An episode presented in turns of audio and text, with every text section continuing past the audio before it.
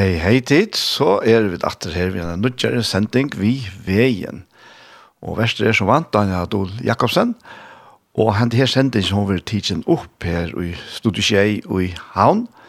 Og i det så har vi en gjest som er nok ferdig å si er en sommergjester. Hon er norsk, og er ferdig å be han presentere seg. Ja, jeg heter Sigrid Aksnes Stykke, kanskje noen kjenner igjen etternavnet, fordi jeg var litt mer enn sommergjest for noen år siden. Ja, akkurat. To, ja, men uh, to er, uh, ja, to, to har jo bo i fargen. Ja, vi bodde her i 60-åra, i Trosjenån. Ja. da min far var forstander i evangeliehuset en kortere periode. Og han er det? Han heter Andreas Aksnes. Så det finns väl ändå någon som husker han kanske, men vi börjar ju att bli en färre igen av oss. Ja, det är akkurat det. Ja, vi blir sent äldre vi kvarst då.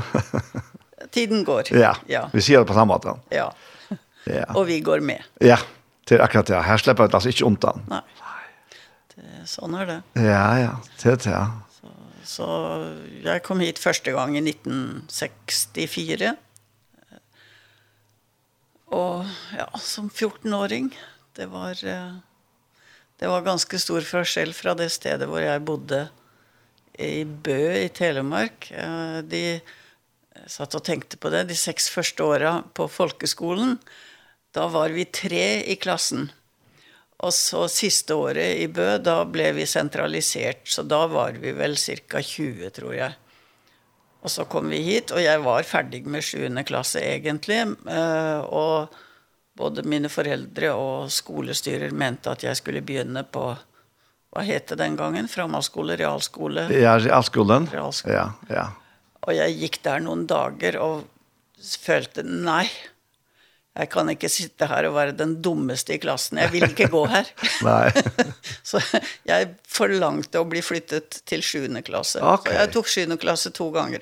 Ja. En gång i Bø och en gång här. Kassut. Så då gick jag i kände B4. ja. för väldigt länge siden. Och det var uppe i Kommunsland her? Ja. Ja. Det var det. Det var ju väldigt kort väg fordi vi bodde i evangeliehuset. Ja, nettopp. Det var den, ja ja. leilighet i første etasje. Og til de yngre lortene som også evangelihuset. Ja. ja, ja, i dag det City. Det er ikke år siden det skiftet navn, så det sitter City Church i det. Nå har det blitt City Church, ja. ja. Så det, ja, to, men, men det, altså, mamma og pappa, men to, to onker ikke var vi i Eisne. Ja, den gangen hadde jeg to mindre søsken. Uh, Knut Åge, som den gangen var 10 år, og som vel du, Daniel, ja. traff på. ja, han kom i klassen til Åkken. Ja, nemlig, ja. Det er så færre fjørre flokk alltid ta. Ja, det stemmer nok det, at han, han gikk i fjerde, og så hadde jeg en lillesøster som het Irena, eller Sonja Irene, som var vel fem år når vi kom, tror jeg. Ok, så han får ikke skolen? Nei, fem-seks. Ja, ja, ja. Jeg tror, jeg tror hun pleide ofte å sitte ute på trappen, och ropa till de som gick förbi de när de skulle på skolan. Ah, okay, det var någon som ja. sa Squitt på ditt syster du har. ja. ja, det var det. Så, men, men, men alltså, du varst ett år här i Färjan? Ja. Bo i Färjan? Ja, vi bor her, Du finns ju redan vi at du förskar, du, du skiljer allt förrest och du tar sig först. Ja, jag må ju säga att jag förstår inte alt av nyere ord som Nei. har kommet inn i språket. Nei, det er noen nye nå som da må jeg bruke ordbok ja. hvis jeg skal finne. Og så kan jeg jo også avsløre at jeg har studert færøysk på universitetet i Oslo da. Akkurat, ja. jeg måtte få litt ekstra input. Ja. Men eh, den gangen vi flyttet herifra så tok jeg med meg målare för folkskolan. ah, ja, ja, ja. Och Jeffrey ja. Henriksen, tror jag. Yes, det stämmer. Ja, så den har jag nog bladd igenom en del gånger. Ja. Det var intressant att pröva och förstå systemet som var så forskjellig fra norsk. Så. Ja, ja. Mm. Til nu nå til å være nægra ferier gosser etter håndene, og i fargen, så gjerne den gang. Ja. Og, men jeg får spørre det gosse gosser mest du månen og havnene fra forutrus og til i det. Oi, oi, oi. Den har jo blitt så mye større. Ja. Selvsagt, de sentrale husa er det samme. Og jeg kan fortsatt gå for, og ned på Vagle, er det jo mye det samme, men slett ikke alt likevel. Og bare vi kommer litt i utkantene, så er det jo så veldig forskjellig. Så der kan jeg kjøre og se rundt meg og tenke ja, ja, ja, her har jeg vært før. Og så neste øyeblikk så tenker jeg nei, hvor i all verden er jeg nå? ja, nettopp, ja. Det er helt ukjent. Ja. Så det er stor forandring, ja. Ja. Det er det. Men Færøyene er like gjestfrie. Ok, ja, men tell, tell jo godt. Ja, det må vi regne av det, hva er det da? Ja, her er deilig å komme. Uh, Och vi har ett slagord som heter det är deilig att vara norsk i Danmark, men jag vill säga det är mycket deiligere att vara norsk på Färöarna. ja, starkt jo, ja. ja. Så um, att det her, uh, men kan du fortälla oss från Augusti Bovet har det varit her? Ja. Skal jeg det? Litt sint ok. Um, uh, Tøyna snakk brøttar, det er ikke ikke det at han vet. Nei, Alltså pappa pleide ju att säga att uh, vi sover mellan mina fristelser eller mellan våra fristelser och Guds uh, trone. eh uh, det var fördi det var två boktitlar då. Eh för det som var i den leiligheten vi hade i Evangeliuset. Där var det ett litet kjøkken, en liten stue och ett bittelite sovrum som før hade varit bokhandel. Og der sto altså blant annet bøkene mine fristelser. og Davids trone. Ja. Davids trone heter det. Uh, ja. Og vi var jo da to voksne og tre barn. På et soverom der det var plass til en dobbeltseng og en madrass. Ja. Så det betydde at uh, vi fikk et rom eller ett kamera. Ja. hos uh, ja, hos någon litt borte i byen. Vi måtte jag är jag som regel gick en tur om kvällen för jag skulle lägga mig över till uh, nu husker jag inte namnet på den gatan men Lisa Morrison heter ah, hon ja, som bodde ja, där. Ja. Och i andra etage hade hon noe ledig så där fick jag sova. Ja. Sån, sånn var det den gången. Ja. Ja, jag har alltid brukat kan det passa? Det kan nok kanskje. Jeg halte det var her alene, ja. Ja. Ja, ja, særst det, ja. Noen så. ganger lå jeg der, noen ganger sov mamma der. Ja. Og da må jeg legge til det også. Noen ganger når det var, uh, mamma var der borte, pappa var oppe kanskje, hadde stått opp, jeg og Knut Åge, broren min, lå i senga, og han uh, løp ned til bakerne i køkkenbyen, og Och så fick han med sig vinebrød. Ja, först ja, ja. Så vi levde gott likevel då, selv om det var lite trangt. Ja. Så kunde vi alltså få varme vinebrød på senga, som han fordi han var gode vänner med bakerne. Ja, ja, ja. Det var det var det var väl aspar. Det var gode vinner. Ja. Det har vi hørt, altså. Nå Minns det inte tickon här borsta fra Knut och ja. Mm. Men vi sitter här i en rom, och i av vi hade här i kökbonen. Ja. Så her er vi inne før. Her har jeg vært før.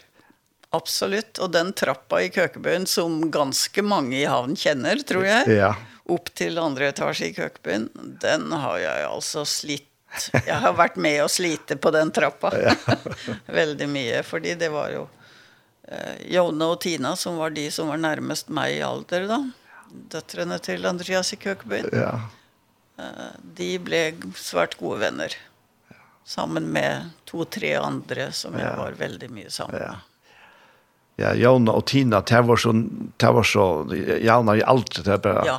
halvt annet armet, eller hva det er. Ja, så Jona var et halvt år eldre enn meg, og Tina litt yngre. Ja, akkurat, så det var midt i midten på her. Nemlig, ja. ja. ja. Og, og, og du bortsett Tina nå, du er, nei, ikke Jona var det mente, ja, ja, ja. ja. ja. Ja da, jeg lever godt der. Jeg, sier, jeg går fra hus til hus og spiser. Jeg kom jo på en veldig beleilig tid, midt i studenteravslutningen, så jeg har vært til varsle her og her. Ja, ja, ja, ja. Spist veldig mye god mat. Man kan si at det er kanskje sin røvås, men du kjente under vidsen her, du, ja.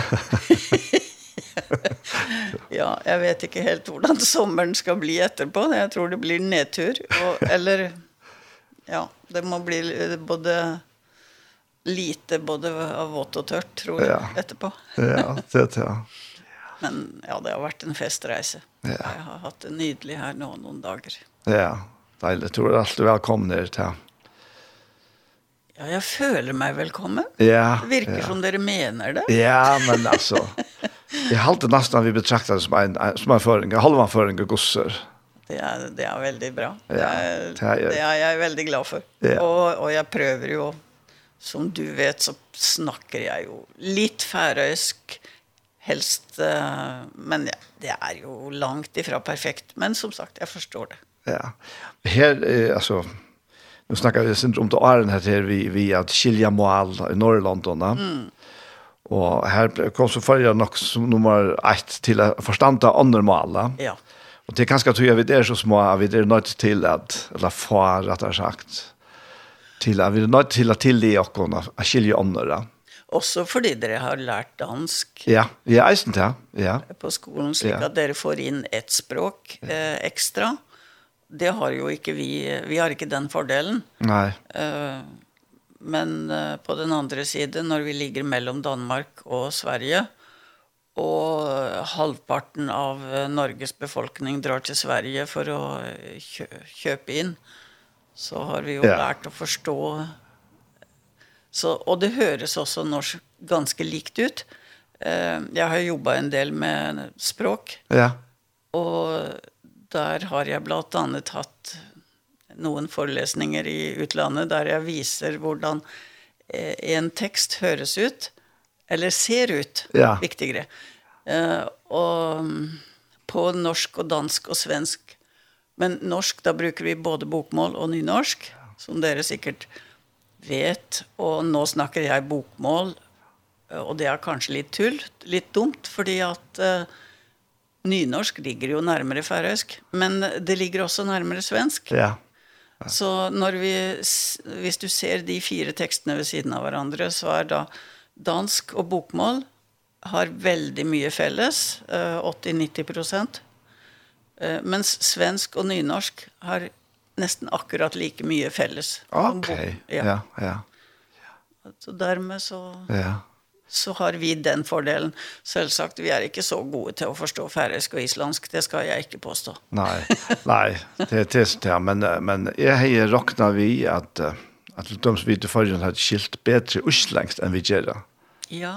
Men uh, altså, vi, vi kunne ikke kommunikere utan vi er, men det kan gå øyelig kjøtt, bare for føringer som færre til Islands, at uh, skilje uslengst, og at tås at det er rettelig kjøtt, Mm. Og eisne tja Íslendingene kom henta veien og, og, og skilja det. Mm Ja. Og røyne at tosa da. Men i halvt nesten, jeg er kanskje inhabil, men i halvt nesten av føringer du var bedre at omstille seg til Østlengst enn Østlendinger til Førest. Ja. Men de mal litt tatt som skriftmal. Ja, ja, det gjør jo det. Og det er jo det som er problemet ofte med det er uttalen, fordi det har forandret seg så mye ja. skilt lag der. Men, uh, men jeg tror også at det var med och gjorde at det at jeg hadde en dialekt og var rimelig bra til å lese nynorsk også, gjorde at det var lettere for meg å forstå færøysk eh, ganske fort enn eh, for eksempel de som kommer fra Oslo da. Ja, akkurat, ja. ja. Men to, det ene finner du varst der forrige, ta varst det en malska, ja? Ja, og ja, jeg, kanskje mer enn en gang. Ok, ja, ja. ja. ja. Eller jeg var på et kurs en gang, ja, og så har jeg vært... Det ene finner du varst nok slansja, ja? Ja, det var et tre ukers kurs. Jeg tror det samme går nå, eller ah, tilsvarende går nå. Det er sånn Nordplus-kurs, der det er deltakere fra alle de nordiske landene som kommer her og får, får litt innføring i færøysk språk og litteratur og ja. kultur. Ja. Kjempeflott. Det er et kjempeflott kurs som de har ute på Setre. Ja, akkurat. Mm, så det var det var ju väldigt intressant. Ja, ja. Så.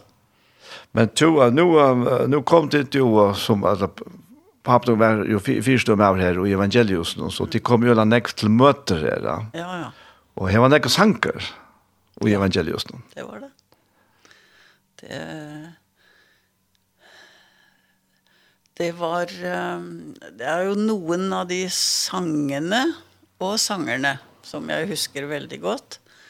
Och jag husker ju för exempel Andreas og Leivur må jag nästan nevne. Andreas, Andreas Andreas i Kökebøen og Leivur Kristiansen. Andreas spilte uh, trekspill. Och de sang Niana Heiken. Och det var liksom deras signaturmelodi närmast. Ja. det var kjempeflott. Så husker jag också kan jag nevne det, Solklar Johannesen som sang solo. Eh, ofte sang hun en norsk sang, eh, hva heter nå den igjen? Ellen Loland sang den først. Hvem er det som går der? Ah, ja, ja. Den eh, var også, hun sang veldig godt. Så klar hun bor nyrre. Ja, nettopp, ja. Hun bor nekvarnere, ja. Ja, ja. ja. Og Finner, Finner Hansen, ja. sang jo også fantastisk stämma. En nytelse att höra ham. Och så och senare så har vi ju då följt med på det som har kommit han har gett ut någon CD eller gav ut. Ja. Kassetter var det säkert i starten. Yes. Och och CD tror jeg vi har. Och likedan barna hans har jag ju också följt lite med på då. Ja. Hvordan de har sjungit senare. De flesta er kanskje öll synja. Ja. Ja at eh, både barn og barnebarn, og ja. så arven følges opp. Ja. Det er en god arv. Også. Ja, men du, vi kunne være ganske lurt etter um, omkring av Teim og Sankenon. Vi, uh, nå får vi det ikke, te, ikke alt det, eller te, det var noen ganger opptøker fra den gang, men, uh, men du nevnte den nye hedgen. Ja, som mm. som Andreas og Leiber sjunker. Jeg minns en där där sjunker altså, faktiskt Sangen opp på Vagle. ja, ja, og ja, ja, bare i ute sungt han, nesten, og hører han alltid til det.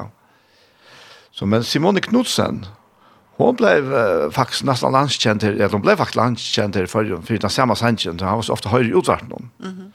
Og henne her var vi så her, så jeg hadde vi færre lust etter henne nå. Se på det. Ja,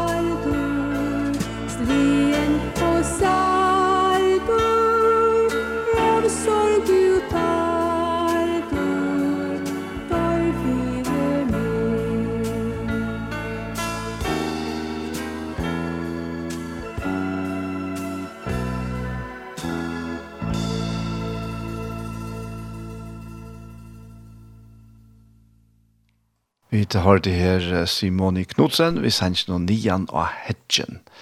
Og hette er sendingen vi veien, verster er Daniel Adol Jakobsen, og hette er sendingen over tidsen opp her i studiet Kjei i Havn. Og gesten kommer, sommergesten her til åkken, til er Sigrid Aksnes Stykket. To, uh, jeg husker om, uh, kan du si oss ikke fra, altså, det her, hvordan du opplevde å komme til ferie, at du ikke på møter og i mån til, det du var oppvaksen vi? Var det akkurat samme et eller annet, var det noen måneder? Jeg kan ikke huske at jeg reagerte veldig på at det var noen forskjell. Um, vi, men at det er forskjellig fra den gang til i dag, det er en annen ting. Ja, men, det er stormål. men den gangen, nei, jeg tror jeg kom fra en menighet som var mye av det samme som ja, her. Ja. Det jeg husker som spesielt fra Færøyene var at Um, jeg opplevde faktisk flere helbredelser. Ah, ja. At det skjedde oftere og lettere her. Ja, først jo. jeg vet ikke hvorfor dere har en sterkere tro, eller hvorfor Gud er nærmere her, eller gjør mer her, eller gjorde, jeg vet ikke.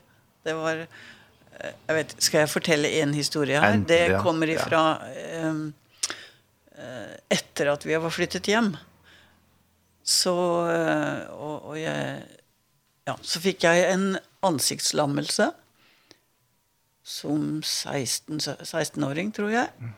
Og plutselig på skolen, det bare kom, og plutselig var øyet helt åpent, og munnen helt død på den ene siden. Og, um,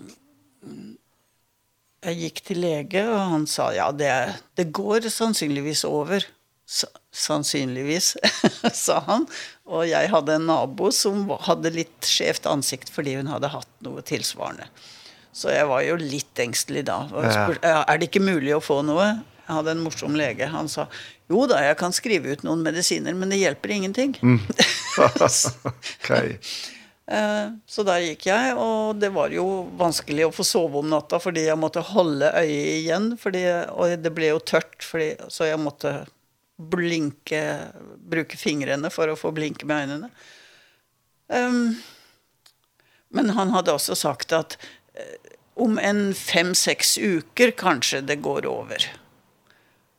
Og dette skrev jeg da, det var jo i den tiden man skrev brev og ikke snakket på mobil, men jeg skrev og fortalte dette til Jonah uh, den ene uken, og jeg hadde, hadde det i underkant av en uke. Men mandag morgen når jeg våkna, da var øyet mitt igjen. Mm. Og jeg prøvde å smile og kjente at munnen kunne gå til begge sider igjen.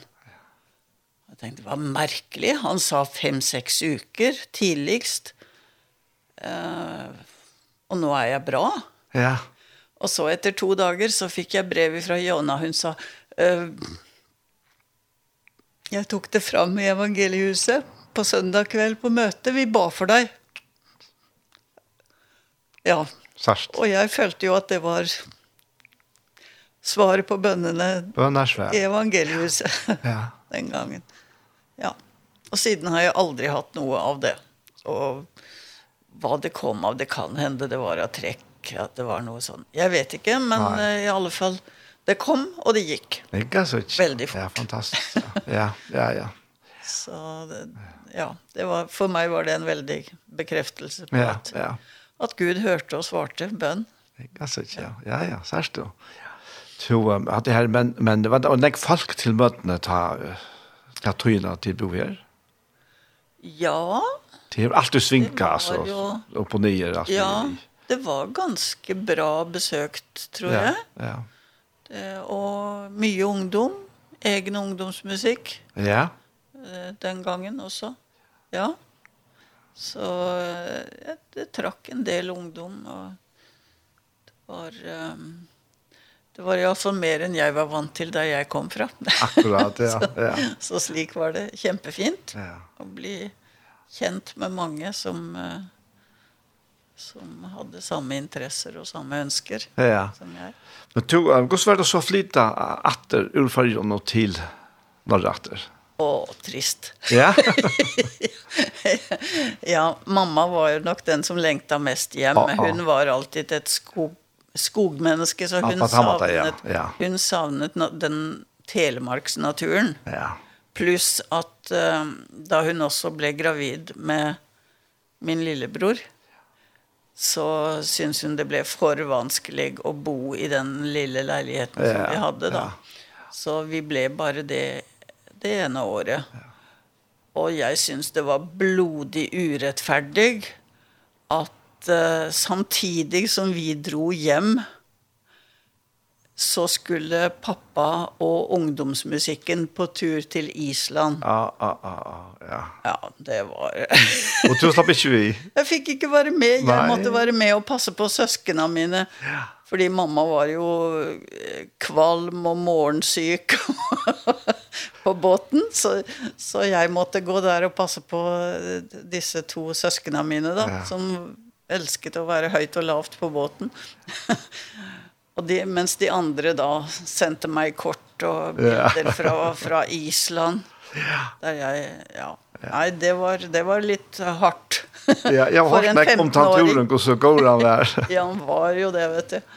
Så det var det var hårt för en 15-åring ja. att bli sent tillbaka till det kjedelige hjemstedet i Norge då. ja, ja. Men men, men eh jag beholdt ju kontakten och som jag sa det var den gången man skrev brev. Ja. Så jag brevväxlade med, jag vet inte hur många här. Det gick väldigt många brev fram och tillbaka. Och, och någon av dem forlangte ju også att du måste skriva på færøysk. Så då måtte jag ju fram med målaren. Ja. och prøvde att skriva færøysk till någon av dem och till någon gick det mest på norsk. Så ja. kontakten blev opprettholdt genom alla år. Akkurat. Senare kom ju någon på besök och Men det gick ganska länge för jag var tillbaka på Färöarna. Ja, ja, men det var det var ikke lett å färdas da. Det var ikke det. Vi får trus då halt det här ganske bare vid att år alltså kvar man blir å flickvart til förra altså, ja. eller mitten förra och og, og andre Norrland då. Mm. Ja, vi drog ju hem da i 65 så eh ja. och jag var ju allt för ung till att resa alene den lange vägen för det ja. Telemark är ju Men hvordan så färdas ta alltså först till Danmark då? Ja? Vi kjalt noen et vi, vi dronner ikke? Nei, den gangen når vi kom hjem da, så kom vi, da gikk de um, til Bergen. Ah, ok. Ja. Den var begynt, ja. den turen til Bergen. Ja. Men så kan kjipt det være? Het den ikke Norrøna da også? Nei, nei, nei, nei. nei. Det er nek, nek, nei, nei, boja. Ja. Eh, hekla. Hekla, ja, akkurat. Hekla var det. Ja, mm. ja, nemlig, ja. Det var det. Ok, ja. Så til Bergen, det er jo ikke det er jo ikke forferdelig vanskelig å komme fra Bergen. Du, nå er det greit med at det går buss direkte. Ja, nok så direkte. Ja. Som korresponderer i hvert fall. Men nå har vi også fly fra Gardermoen, da, fra Oslo. Som er, jo er nærmere, men samtidig det tar veldig mye lengre tid på flyplassen, så ja, det tar. jeg kunne nesten dra til Bergen og ta flyet derfra på samme ja, tid. Ja, ja. ja. Sånn. Men du, og ta så kommer heimatter, så først du i det som svært til realskola, eller? Ja, da begynte jeg på realskolen i Norge. Ja. Og tok så realskole og gymnas, og giftet meg veldig tidlig. Ja. og fikk barn, har to barn i dag. Ja. Og sju barnebarn. Ikke så tja. Ja, ja. Ja. Livets dessert da? Ja, det så var jag hjemme med barn till den yngste gick på ungdomsskolan som det hade blivit då istället för Eh, Så begynte jag på högskolan och tog en lektorutdannelse etter hvert. Ja. Men det er kallar vi høyskole, det er ikke det som høyskole i Førje? Nei, nei, det er det ikke. Det er en, nå er det et universitet, nå har det fått titelen, men den gangen var det det høyskolesystemet som vi fikk, eller distriktshøyskole som det het først, det tilsvarte jo universitet. Ok, ja. Det var bare at um, for å desentralisere, vi hadde tre universiteter den gangen, ja. Oslo, Bergen og Trondheim, Och och så skulle de då eh, i en grön bølge eh, få eh, samma tillbud flera städer i landet. Så då växte eh, distriktshögskolorna fram och den gången var vi så heldiga vi fick en i Bø fordi vi hade en väldigt aktiv eh, stortingspolitiker den gång som gjorde väldigt mycket till det. Mm. Så vi hade samma utdanning med ja, allmänfag som, som på, tilsvarende på universitetet. Og det betydde også at jeg begynte i Bø og tok det grunnleggende tok et første år med engelsk, og så fortsatte jeg på universitetet i Oslo. Fordi at det var helt konvertibelt. Jeg kunne bygge på de samme, blande utdanning fra de to stedene og få en och få en färdig grad då. Så så där... du blev lektor. Ja. Ja. Det blev jag eftervart. Ja. Och och alltså nu blev så gift tullja sitt och och och barn och men men ja. Arbete och Samsons ästnetla. Ja, jag har jag arbetat deltid ja. eller delvis de årene som jeg var hjemme, så hadde jeg en jobb i en bokhandel. Men det var bare i sesongene. Før jul og, og ved skolestart. Og ellers så var jeg stort sett hjemme. Jeg hadde vel et ideal om at man skulle ta seg av barna sine når man først hadde satt dem til verden. Ja. Og følte absolutt at jeg fikk realisert meg selv bedre med det. Ja enn med noe annet. Jag hade heller aldrig noe ønske om att bli lektor egentligen. När jag började på høyskolen, så var det bara för um, ja det var egentlig fordi ryggen min den gangen også hadde, allerede hadde begynt å bli dårlig. Jeg har slitt mye med ryggsmerter gjennom årene. Så jeg kunne ikke fortsette i den jobben jeg hadde. Så tenkte jeg jeg kan kanskje ta ett år på skolebenken bara för jeg jag är intresserad i engelska. Det kunde vara morsomt att lära mer. Så jag började med engelsk. Eh, grundfag och mellomfag som det heter. Så gick jag över på norsk och skulle ha lite av det vid sidan av, men så blev det norsk som blev mitt huvudämne då. Och då blev det norsk och nordisk och norrönt. Så det, därmed så fick jag ju da var det også mulig å ta både islandsk og færøysk eh, som tilleggsfag. Og det gjorde jeg da. Ok, ja, ja, ja. Så du har uh, vel fire målslige? Ja, det har alltid vært interessant. Ja, nettopp, ja. ja. ja. Ja, ja. Det har det. Så, og derfor, når jeg da skulle skrive en hovedoppgave, dette var jo før, nå er alt, nå er det mastergrad, og det er det samme over hele landet. Den gangen var det jo ikke det samme. Da var det en litt lengre utdannelse. Men jeg skulle da skrive en hovedoppgave, og da ville jeg velge noe som, der jeg fikk bruke de forskjellige språka litt. Så da skrev jeg om eh, ballader, eller føreskveie. Ja. ikke bare færøyske da, men mellom, mellomalderballader fra de fem nordiske landene, og sammenlignet noen av dem. Ok, ja. ja. ja. Som jeg for øvrig har da eh, etter veldig mange år bearbeidet og gitt ut som en bok nå da korona startet. Ok, det visste ikke jeg.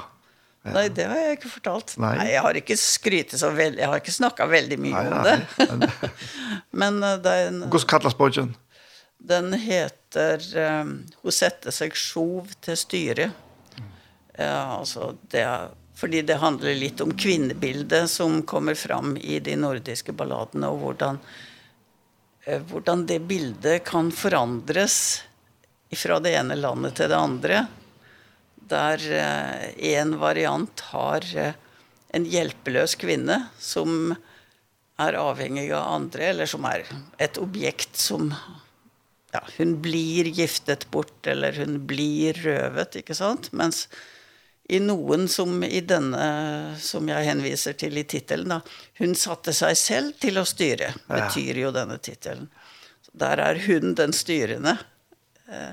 Og det morsomme der er jo at i mange av de norske og færøyske så har vi denne sterke kvinnen. Ja, ja. Mens danske og svenske og noen norske som ligger nær de danske, de har eh, ett sånn svagt objekt som där det er mannen som är den starke och och hun blir bara solgt, eller ja inte solgt, men inte sant giftet bort ja. som en annen handelsvare. Ja, inte show alger rätt alltid. Nej, Nej. nämligen.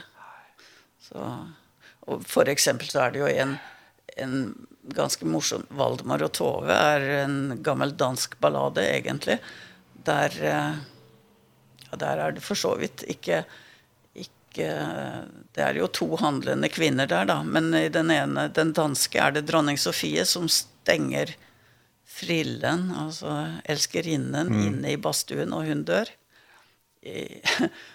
Den har en nydelig avslutning. Man tok Tove Lilla av badstuen ut. Da var hun som en gås man steker til jul. Dette hadde jeg ikke planlagt å ta med, men Eh, mens den färöiske, den har mye av det samme. Den, det er bare et kort uh, av, ja, Den er ikke så lang, og den har ikke vært mye brukt, tror jeg.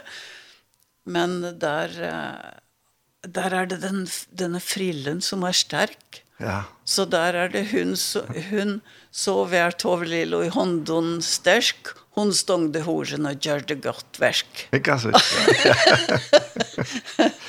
Så der er det altså den, den svakeste da. Selv ja. om det her er to kvinner, så er det den svake kvinnen. Men vet du hvordan viser han kattler seg förskon.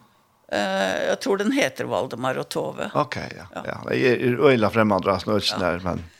ja, og den er heller ikke mye kjent. Jeg, men jeg har jo også tatt med flere andre uh, færøyske.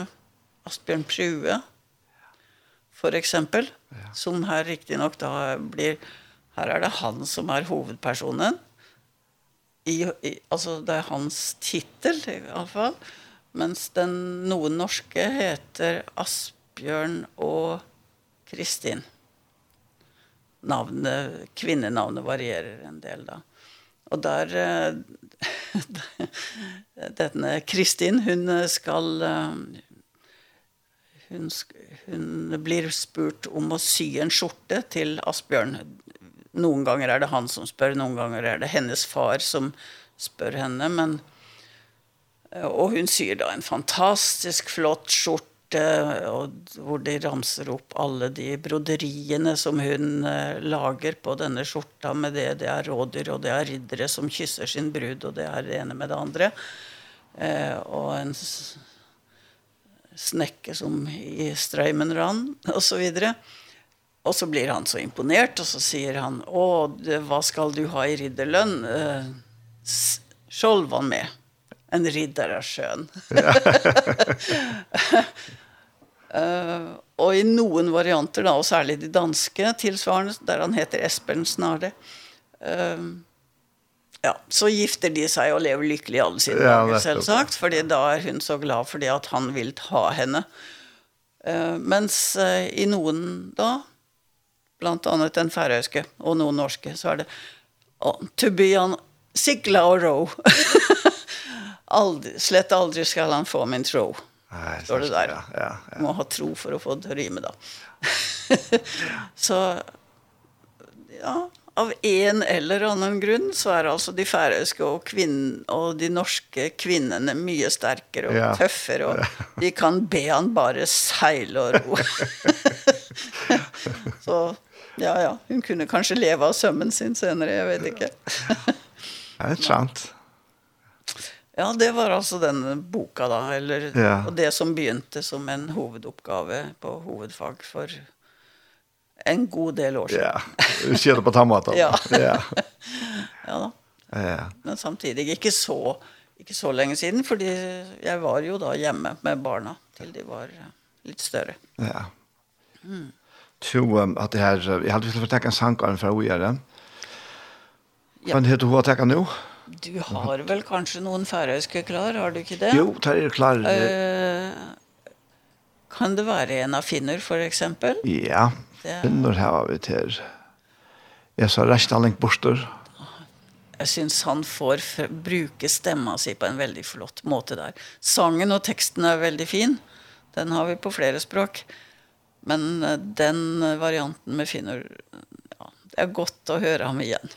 Vi tackar han der. Finner Hansen är så rätt han bort.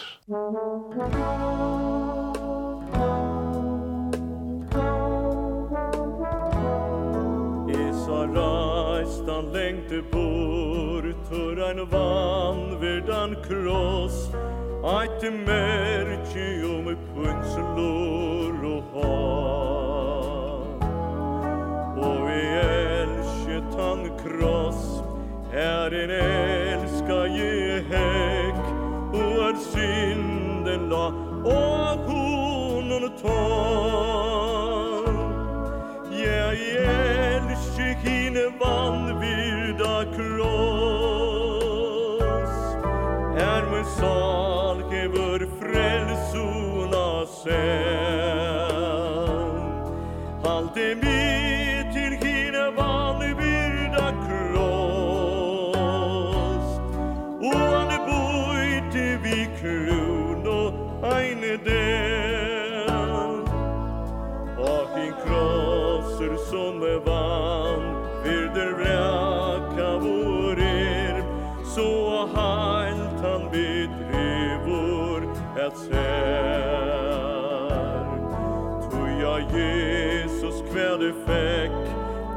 det ber at han i kross. Det var dom och ren synd inni tjoa meg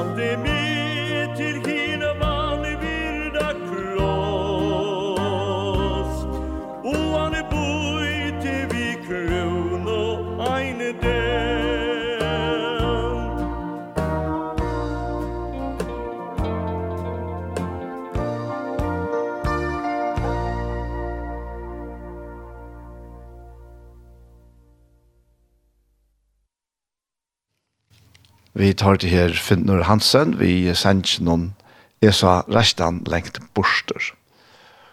Og etter sendingen vi veien, og verster er Daniel Adol Jakobsen, og henter sendingen vi tidsen opp her i Studi Kjei og i Havn.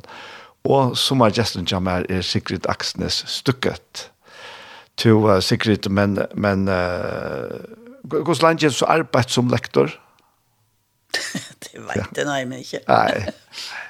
Um, jeg begynte litt mens jeg fortsatt studerte, så det var i eh, 93. Det var det første gang jeg underviste litt på høyskolen, fordi at det er jo der jeg har vært hele tiden da. Ah, ja, ja, ja. Så det, det som nå er universitetet i Sør-Norge. Ja. der ble jeg da lektor, først i norsk språk. Ja. Så jeg underviste enn det i språk de første årene, og så senere så byttet jeg over til litteratur, og, og har også da hatt en del uh, middelalderlitteratur og kultur, uh, sånn. North German folklore har jeg undervist i, eh, for, både i Norge og også med litt utveksling, at jeg har vært i Litauen, Polen och och Tjeckien. Ja. Okej, ja. Men du alltså du har haft alltså vi vi kommer till en händing så blir det nog så eller rattla rattla äggvislig ja, där. Ja. Men kvart arbetar vi ta och ta händer. Ja, det har varit som sagt lite växlande med det med lektor på högskolan eller universitetet. Eh da det var en flyktningebølge på 90-tallet, så begynte jeg å undervise på kommunalt voks og nå da, kommunal voksenopplæring heter det, med norskopplæring for flyktninger. Og da skjedde det jo noe som ble ganske dramatisk. Fordi en mann som, en ung mann må jeg si, var vel kanskje en litt, litt morskikkelse på en måte for ham, fordi vi hadde snakket ganske mye med ham. Men uh, denne dagen uh, så var det bestemt at han skulle reise hjem dagen etter, og jeg hadde hatt en lang prat med ham den dagen, og vi hadde egentlig tatt uh, farvel. Og hva kom han fra opprinnelig? Uh, han kom fra Armenia. Og han, uh, ja, vi hadde tatt farvel, som sagt. Men så skulle jeg tilbake på flyktningmottaket om kvelden i en annen sammenheng, og så kom han da med en, uh, oppdaget han at jeg var der, så kom han med en CD-plate han hadde lånt og glemt å levere. Det var, var en veldig belest ung mann. Han hadde lest Ibsen før han kom til Norge. Han, vi diskuterte Dostojevskij, og han hadde altså lånt noe klassisk musikk da. Men han var også veldig eh, traumatisert. Og denne kvelden mens vi sto og pratet når jeg skulle gå, så plutselig så, så jeg bare hvordan lyset forsvant fra øynene hans. Han ble, øynene hans ble helt svarte og fremmede, og jeg rakk å tenke, oi, hva skjer nå? Og i neste øyeblikk så slo han løs på meg med begge knyttnever. Jeg tenkte, hei, som en toåring som er sinna på mamma, eller som er frustrert, ja, sinna og, og lei seg, Men så oppdaget jeg jo ganske snart da, at han slo med en hånd, og med den andre hånda stakk han fordi han hadde en kniv inne i, inne i hånda. Så det ble en god del stikk. Og ja, så jeg ropte jo da at ja, å, han har kniv! Men det tok jo litt tid før noen reagerte. Det sto en annen ung mann i nærheten, og han kastet det han hade i henne och prøvde å avväpna ham. Eh, och det tog också en stund. Så jag rakk i alla fall och tenke in i mig. Kära Gud, ska jag verkligen dö nu? Så, så plötsligt, så ut av ingenting. Men ja, Och det var bara sånn full panik inne i mig och jag var hjälplös, totalt hjälplös, inte sant? För det att en desperat man med kniv, då har du lite att ställa upp. Um, men jag fick svar med en gång. Och hvordan den stemmen hørtes ut, det kan jeg ikke si, men det var bare sånn veldig tydelig, du skal ikke dø, men leve. Och det var så tydligt att jag bara kände hur jag själv sänkte skuldrene och selv om det foregikk akkurat på samme måte fortsatt. Og, og han, han holdt i meg og stakk i ryggen, og jeg prøvde å legge meg fremover og trykke meg, og tenkte at han holdt i skjorta, så jeg tenkte den skjorta må snart revne, slik at jeg blir løs. Og så var det altså den andre mannen som klarte å avvæpne ham. Og Jeg var fortsatt bevisst, og det ble bare mer og mer vondt, selvsagt. Og jeg la meg ned i stabilt sideleie, som man har lært at man skal, øh, må sørge for dersom noen er utsatt for noe. Så jeg fant, ja, gikk, gikk to skritt for å komme vekk fra veien og over på, øh, på gress. Og la meg ned på gress i stabilt sideleie og tenkte at det kommer vel, de har sikkert ringt etter ambulanse. Um, og så gikk det så lang tid. Det, fordi ambulansen har ikke lov til å komme før politiet dersom noen er beväpnad. Så de, måtte, de sto noen hundre meter unna og ventet på at politiet skulle komme. Men vi er i Norge med lange avstander, og, og politiet var nettopp da på en utrykning et annet sted. Så det tok uh, 45 minutter før de kom. Wow. Ja.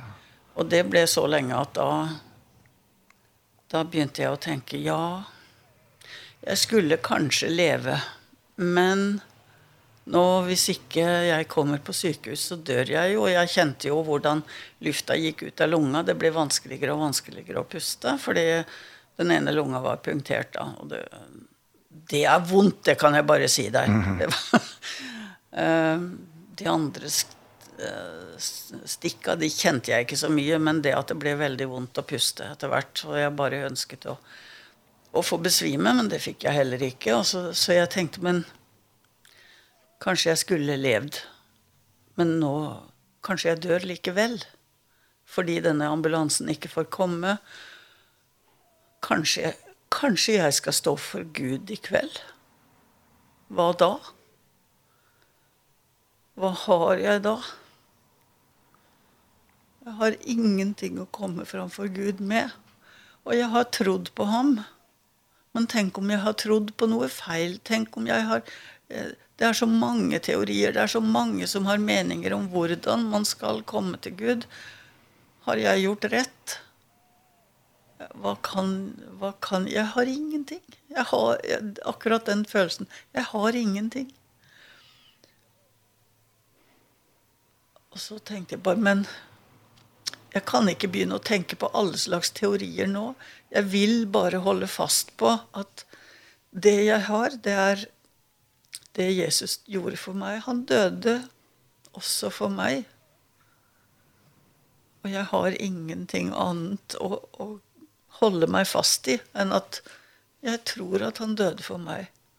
Og med det samme jeg tok tak i den tanken at jeg vil tro det fortsatt så kom den samme freden tilbake. Så, så utrolig sterkt.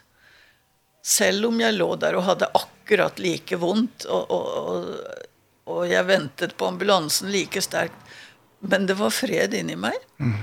Og jeg visste at det er helt ok. Det er samme om jeg lever eller dør, så hører jeg Herren til. Mm. Og det å ha hatt den opplevelsen er jo altså det er jo noe jeg har med meg etterpå så dypt inni meg at jeg har vært jeg har hatt hjerteinfarkt og jeg har vært nær døden etterpå, men jeg er aldri jeg kan ikke være redd for å dø. Mm, nei. For jeg vet at det holder hele veien. Ja. Ikke det jeg har gjort, ingenting av det. Men nå men så kom altså da ambulansen og og og da kom også eh, helikopter luftambulanse samtidig omtrent. Så dermed så ble det luftambulanse til sykehuset. Og det tok syv minutter ifra. så dermed gikk det bra. Det var, det var ikke mye om å gjøre, og det tok ganske... Det tok to og en halv time før min mann fikk beskjed om at jeg kom til å leve. Eh, fra legene. Men... Uh, Det var tvär en halv här tog med Johan. Det var det. Han hade det mycket värre än mig vet du för det att han han visste ju inte det jag visste.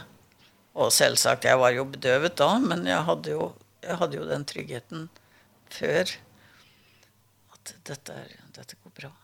Ja. han visste ingenting så han hade det tufft.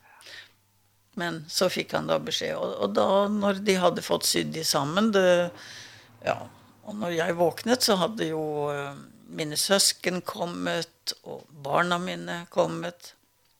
Eller inte dottrar för hon var för långt borta. Hon hade inte rukket fram men men de fick ju vite tillstånd och och de var runt mig och min bror som då var blivit lege, han eh, gick ju och snackat med kirurgen som hade opererat mig. Mm fikk vite at tre av disse stikkene burde egentlig vært dødelige. Mm. Uh, ja. Men jeg lever fortsatt i dag. Og hvert år på 15. juni så, så feirer jeg på en måte min andre bursdag. Det er, det er, så i år var det altså 22-årsdag for livet del 2, pleier jeg å si. Ja. Fordi der fikk jeg del 2. jeg fikk begynne på en ny del av livet. Bare som gör att jag fortsatt är här idag. Ja, det, det Er. Ja, det är så att jag inte kan hjälpa. Mm. Att alltså korsen är det enda som bär. Ja, det är nettopp det enda som bär. Det är att nåden räcker. Som Lydia Littell synger, eller har skrevet i en sång. Och akkurat... Um, den sången fick jag en väldigt stark upplevelse ett år eller två efter detta fordi då var jag på ett möte där Lennart Larsson begynte att synge den sången och den var ju kjent för mig för det men akkurat då blev det så väldigt levande att ja det är så sant det är hon sätter ord på det som jag har opplevd. Ja. Och helt at slik er det faktisk. Det eneste som bærer innfør, det enda som bærer innenfor den hvite tronen det er en frelsad sjel. Halleluja, synger de der. Så den sangen har jeg lyst, også lyst til å høre. Selv om det ikke er akkurat med Lennart Larsson så, så det enda som bærer det er det er mitt vittnesbyrd ja. Ja, vi tar vi tar sangen här vi Anita Rörbacken. Ja, hon är en kjempeflott jente. Eh, är er Hon hon är norsk, hun ja. har en blomsterbutikk i Indre Arna, hon går i menigheten Noah på Espeland. Og hun, det ligger veldig mye av henne på YouTube. Hun, hun synger og spiller, og, og er et veldig godt levende vittnesbyrd også. Fast. Bare, og han kommer her til enda som ber.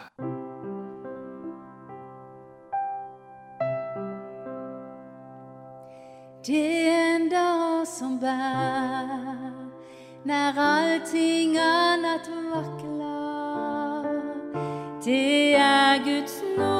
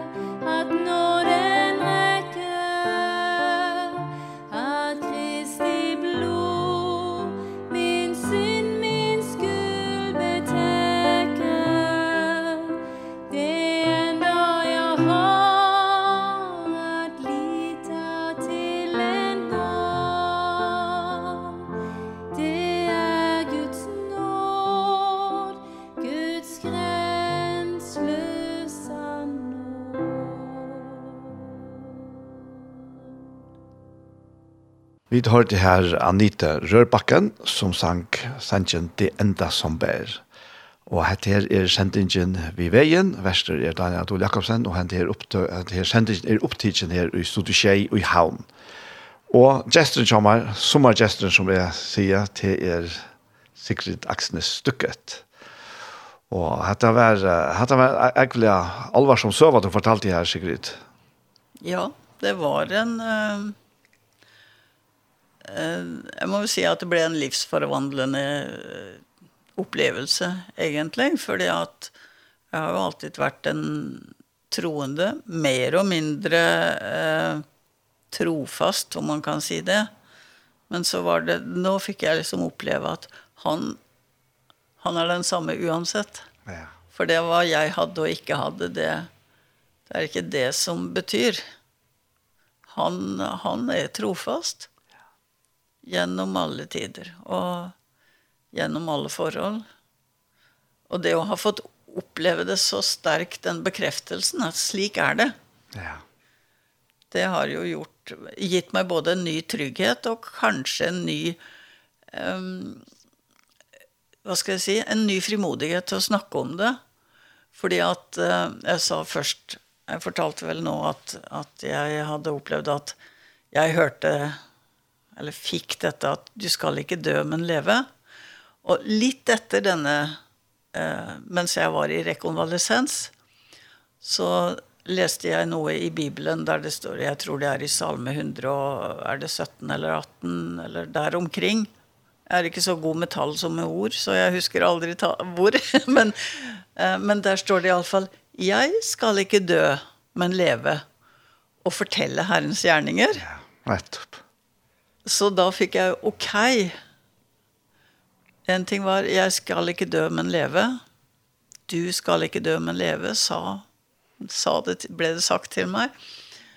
Og så fikk jeg da fortsettelsen. Og så skal jeg fortelle om det. Så det, det har jeg da gjort. Jeg har delt med en del mennesker etter hvert. Og nå har du gjort det her. Ikke, Også her, ja. ja. Men du, sikkert, jeg husker om akkurat dette her. Uh, Hent her dagen kjatt her, mm. da kan man eisen godt si at tryggven selv ble sett på prøva. Ja, det kan du jo si. Virkelig. Ja, altså, som du sier, jeg fortalte jo Janne at du først, altså, hva har vi nå tror ja. at, og, ja, akkurat. Og hvis ikke det var nækka hinnemennene, mm. så har jeg ikke finnet nækka svær. Nei, hva skulle jeg bare tatt det fra meg selv? Nei. Nei. Til akkurat det. Och så så så jöknen är så starka händing som att det här. Då. Mm. Ta viser hette här hette här som vi tryckva. Tryckva av att god är pappa eller färg och och jöknen sonen Jesus Kristus. Ja. Och vi hela andan och så är han är han närvarande oss. Og det er jo hele andre som kommer og forteller oss, jeg sier tingen. Teker bors av Jesus og forteller okken. Men det er altså fantastisk da at, at att uppleva det att att att ta väl helt det. Ja. Det är här. Verkligen ja. att det det håller.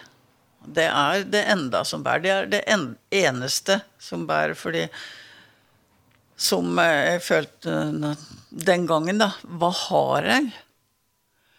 Jeg kunne ingenting å komme med noen utdannelse eller noe hva jeg har gjort og ikke gjort av gode eller dårlige ting. Mm det er ingenting. Det er bare det blir bare borte når du står innenfor avslutningen og innenfor døden. Ja. Men det som blir stående, det er den troen du har, eller ikke troen i seg selv, men det man tror på. Nettopp. At du ja. tror på en som virkelig har skapt himmel og jord. Det er altså noe som jeg i senere tid har nesten hatt vanskelig for å si, for jeg synes det er så fantastisk. Det er så mye større. Han er så mye større enn vi kan forestille oss. Skapt himmel og jord. Nå når vitenskapsmenn, de kan se utover, de kan se den fantastiske eh, det universet som vi er en del av. Og så skal det være en skaper bak det. Ja. Det er jo alt for stort til å fatte, men på den andre side, så hvordan skulle det ellers være til? Tett, ja. Hvis det ikke var en skaper, og det er som noen har sagt, det at vi skulle være skapt, eller at vi skulle ha blitt til tilfeldig gjennom evolusjon, det er like sannsynlig som at det skjer en eksplosjon i et trykkeri, og bokstavene faller ned og danner et 20-binds leksikon som er uten feil. Ja Ja, akkurat. Så ja. sannsynlig er det. Ja. Nei, det må jo være noe. Ja. Uh, og det er en, og så at han da, som er så stor, så fantastisk, um, så mye høyere enn oss, at han bryr seg om lille meg. Mm. At han ha, kan si noe direkte til meg, som jeg opplever som hans svar, nettopp i dag, på mine problemer i dag. Ikke nødvendigvis nødvendigvis at jeg holder på å dø, fordi det er jo forhåpentligvis en en gang i livet opplevelse, men, men at man kan oppleve hans svar stadig, at vi kan oppleve at vi har kontakt med ham. Ja. Det er...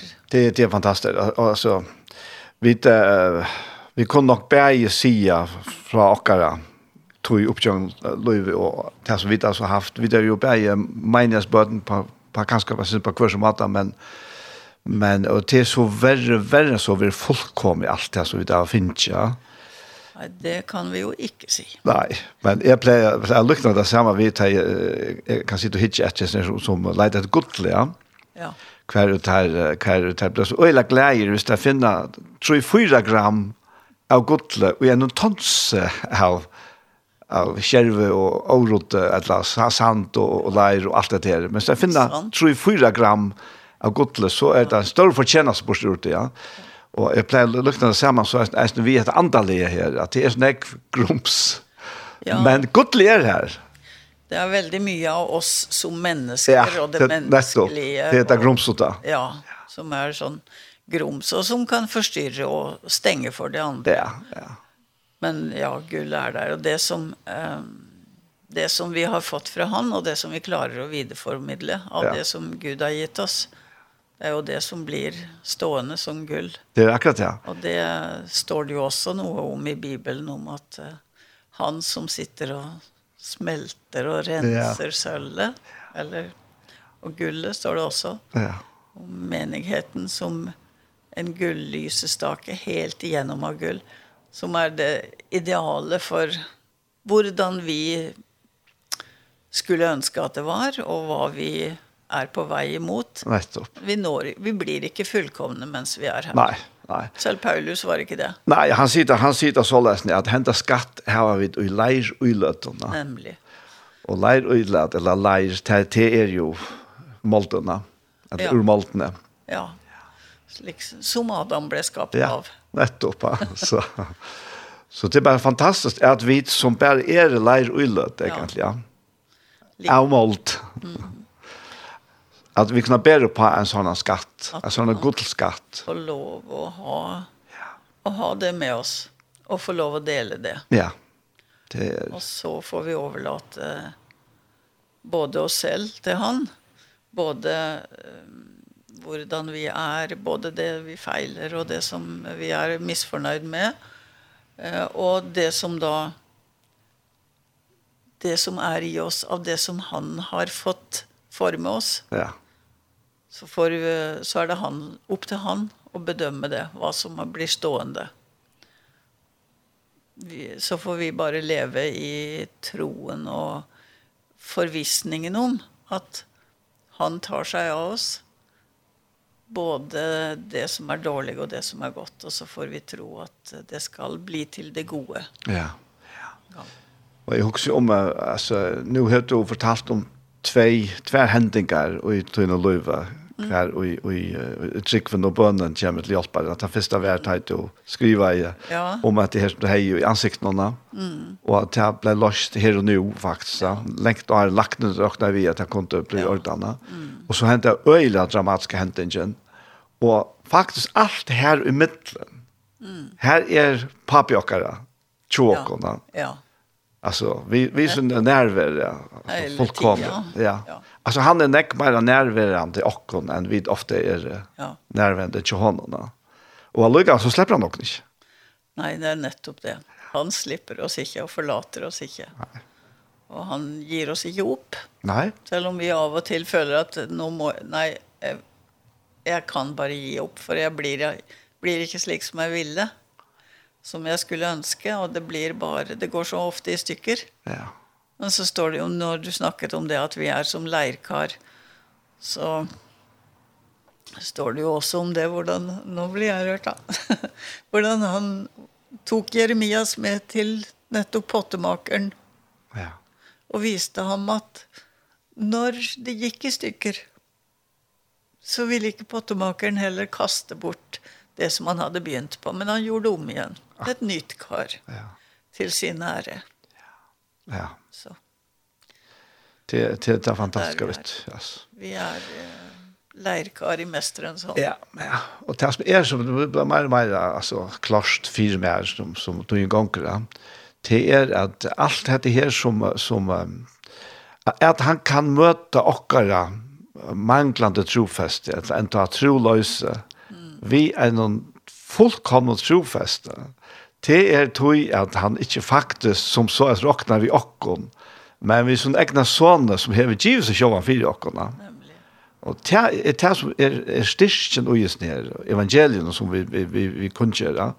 Du, du visste ikke vi på tammatan, så kom det an på hver og klara i kappingen best, og å vise seg fram som ja. en fullkomna person. Ja, ja Og da vil det være så mye, da vil det jo være urettferdig. Nå sier de at det er, noen sier at det er urettferdig at Gud bare kan eh, på en måte blåse i hvordan vi er, om vi er forskjellige. Men hvis det skulle være slik at det bygde på våre gjerninger og hva vi gjør og hva vi klarer, det ville være urettferdig. For noen er jo født med en veldig god eh, de er født gjestmild, de er født de gjør bare som mamma og pappa sier og sånn. Da ville all de være garantert å komme til himmelen, mens den som har veldig mye problemer inni seg, ja, ja. vil ikke ha sjanse. Akkurat, Men akkurat. nå har vi alle samme sjanse. Ja, ja, ja. Og jeg pleier, ja, jeg pleier å si at her, at, at, at her fra Johannes Troja, hver Jesus viser til kåparormene, ja. Og vi kjenner jo til søvnene her fra, fra Østresfelt i Øyemørsen, ja, som blir jo alle åpne av oss nede i slankene. Men så, så var løsningen en ta, og det peker jo av Jesus som ble gjort til sint for jokkene, til at en kåpar ormer vil lytte opp i Øyemørsen. ja. Og jeg tror det var også annet symbol enn en ormeren selv, ja. Men så hette her mekanismen ute i, at det han som hukte opp på ormen, ja blev grøtter. Ja. Og til å si at det er ikke lagt til dere intellekt. Da. Nei, nettopp. Det er ikke spørning om, om, om hvordan intelligent vi, intelligent vi er, eller hvordan løyt intelligent vi er. Ja. Mm. Men det er lykke for alt. Han som hikker på sånne. Ja. Færløyv, heveløyv. Nettopp. Det er bare det å och se på han ja. och så se bort från sig själv och och så se bort ifrån eh uh, sina egna skador och alltså hvor stor eller uh, liten den er, og hvordan jeg er uh, innvendig, det er ikke der. Nei. Det er på han.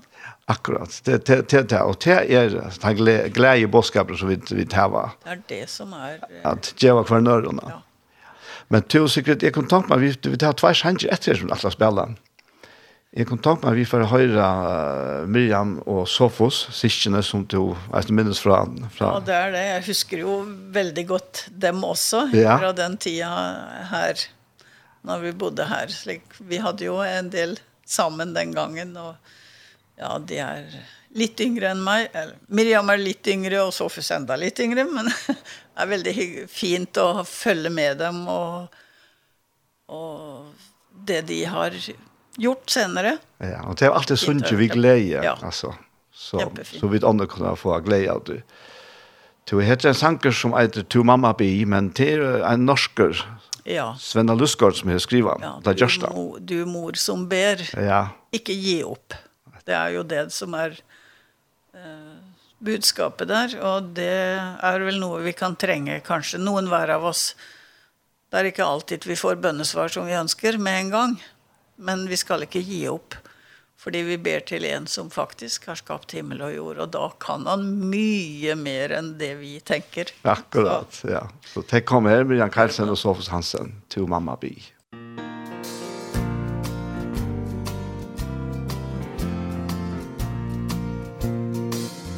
To mamma bi, fed life og tøyne knø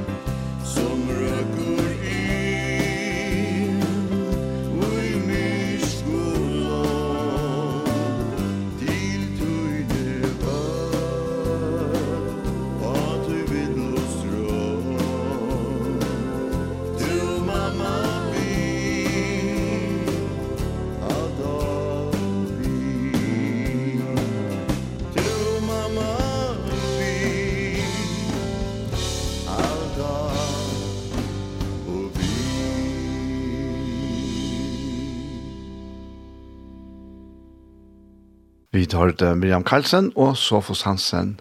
Vi sender noen to Mamma Bi. Og hette her er sendingen vi ved igjen.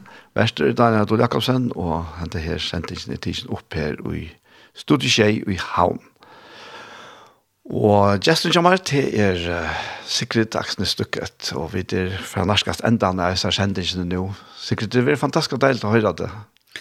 Interessant. Jeg tror vi har Snak, jeg har snakket mye mer enn jeg hadde tenkt, og om mange flere ting enn jeg hadde tenkt. Men ja. ok, ja. jeg håper at det er ok.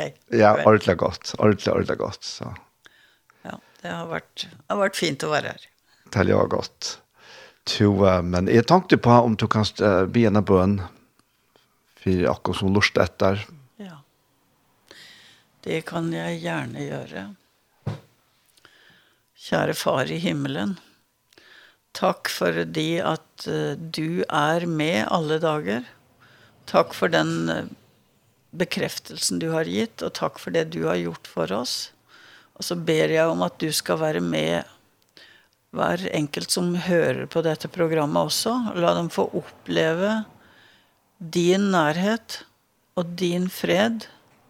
Gi dem å åpne seg for deg og ta imot det som du vil gi og gi dem å flytte fokus fra seg selv og sine tanker og sine begrensninger og sine problemer og legge det over på deg. Du som er skaper av himmel og jord og som likevel bøyer deg ned til hver enkelt av oss og har noe å gi til hver enkelt av oss og elsker hver enkelt av oss. Takk for din godhet og nåde og och la den gå ut till alla som hører og åpner hjertet. Takk for at du er der og vil gjøre det. Amen. Amen, amen. Tusen takk for Sigrid. To, um, vi har en sang etter som jeg har lyst etter, og til, til, til Theodor Petersen. Ja, han er jo også en, en flott sanger, og en, har vært en, en venn gjennom mange år. Og jeg synes denne sangen som han har her med underfull er dine bostader, underfull, den er så fantastisk fordi at den er, forteller om det håpet som vi har og det som vi tror at vi skal få nå fram til etter hvert. Både, både den ene og den andre. Uansett hvordan veien vår har vært underveis. Noen får en mer stenete vei enn andre. Um, men vi har vi är på väg till samma mål. Ja. Och det blir ju det mest fantastiska för detta vi har nu, det är inledningen. Och så är det inte slik att vi är rädd för att vi ska dö. Vi ser som Frelsesarmeen säger att vi blir förfrämmet Akkurat. till härlighet. Ja, nettopp. Och det, det är väl den härligheten han synger om här. Ja, ja. Och det ja. gläder mig till att höra det. Etter han han det här så sanken blev till på något så speciella matta. Det var en sånn morgen i evangelihusen og fire, ja, nekvonar sier han, det var gosser 20 eller mer. Så, så for Teter, som han har gjort för eisene, han får sinja spontant og i antall. Og det vil jo si at det, at det er ikke noe tillast som man synker, ja. men man synker beint ut, inspirerer av hele antallen. Det er spesielt. Og han sanker tungen. Men da han var livet av Sintja, Sanjen Tunko, så sang han om at vi hesen årene som vi nå høyre, ja. som vi kan skilja. Så man kan si at på tammatan så kommer, kommer nøyegaven tunker og tøtninger til sin rette. Ja, virkelig. Og, og vi kan glede om det. Men det som så var eisen til morgenen, det var at, at vi tok opp Og tog kom vi kom atter til disse opptøkene og lusta bedre etter, og så få årene vi og, og og melodien nästan ja. Annars ganske det bara færre. Så det var glädje i tannmorgenen, men, men vi teknikken så ble det till siktning för oss som kunde lust det etter nästan. Väldigt, väldigt flott. Det är lite av det jag snakket om att, att på färgen så är det nästan som de upplever mer med att Gud är närmare. For det här har inte jag upplevt någon gång. Jag har riktigt nok upplevt uh, tungetale med eh, der noen i forsamlingen har forstått det som har blitt sagt, fordi det har vært på et kjent språk for en eller annen i forsamlingen. Men dette med å få en sang som dette, mm. ja, er flott. Ja, det er det største, da. Det, det er helt sikkert. Så Sigrid, tusen takk for at du komst. Og nå må du helse hjemme til at du først, om det er det. Takk for det. Det skal jeg gjøre. Skal jeg hilse til de søskenene som, som var med her en gang. Ja. Og til familien, ja. ja og til... Så takk for meg. Takk for at jeg fikk komme. Tusen, tusen takk. Og til kunne få høre lort et sending når hun kommer ut av, som podcast. Ja, det er flott. Ja. Så her kommer Theodor Pettersen vi sender noen underfotler er bosteder. Musikk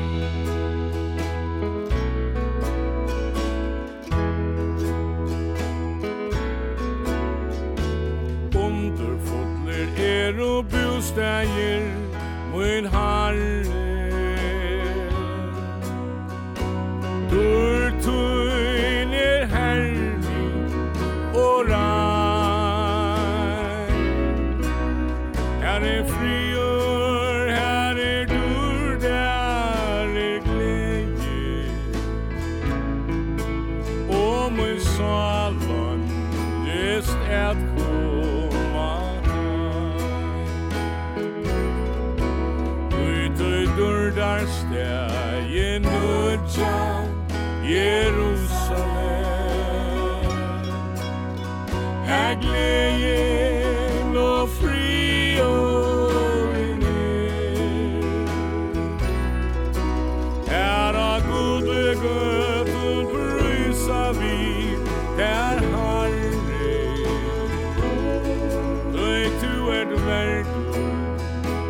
true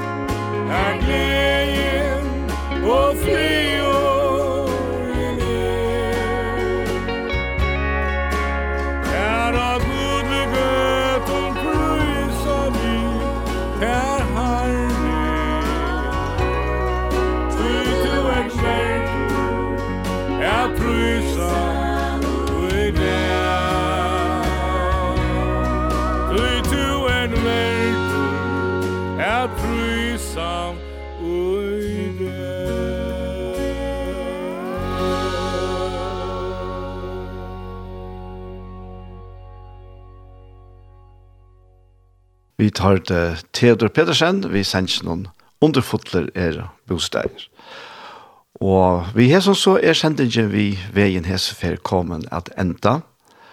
Og verster var Daniel Adol Jakobsen, og gesten kommer, som er gesten som jeg sier, var sikkert aksene stykket ur Norra, eller Norge, som vi ofte sier, og som i Battenåren og Boe, et år her i Førjon, og her er helt i sambandet ved Lukan.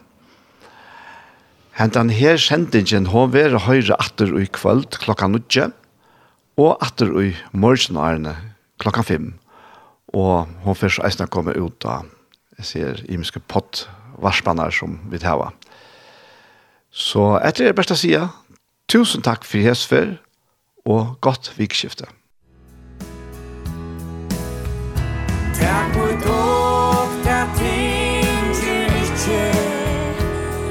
so hands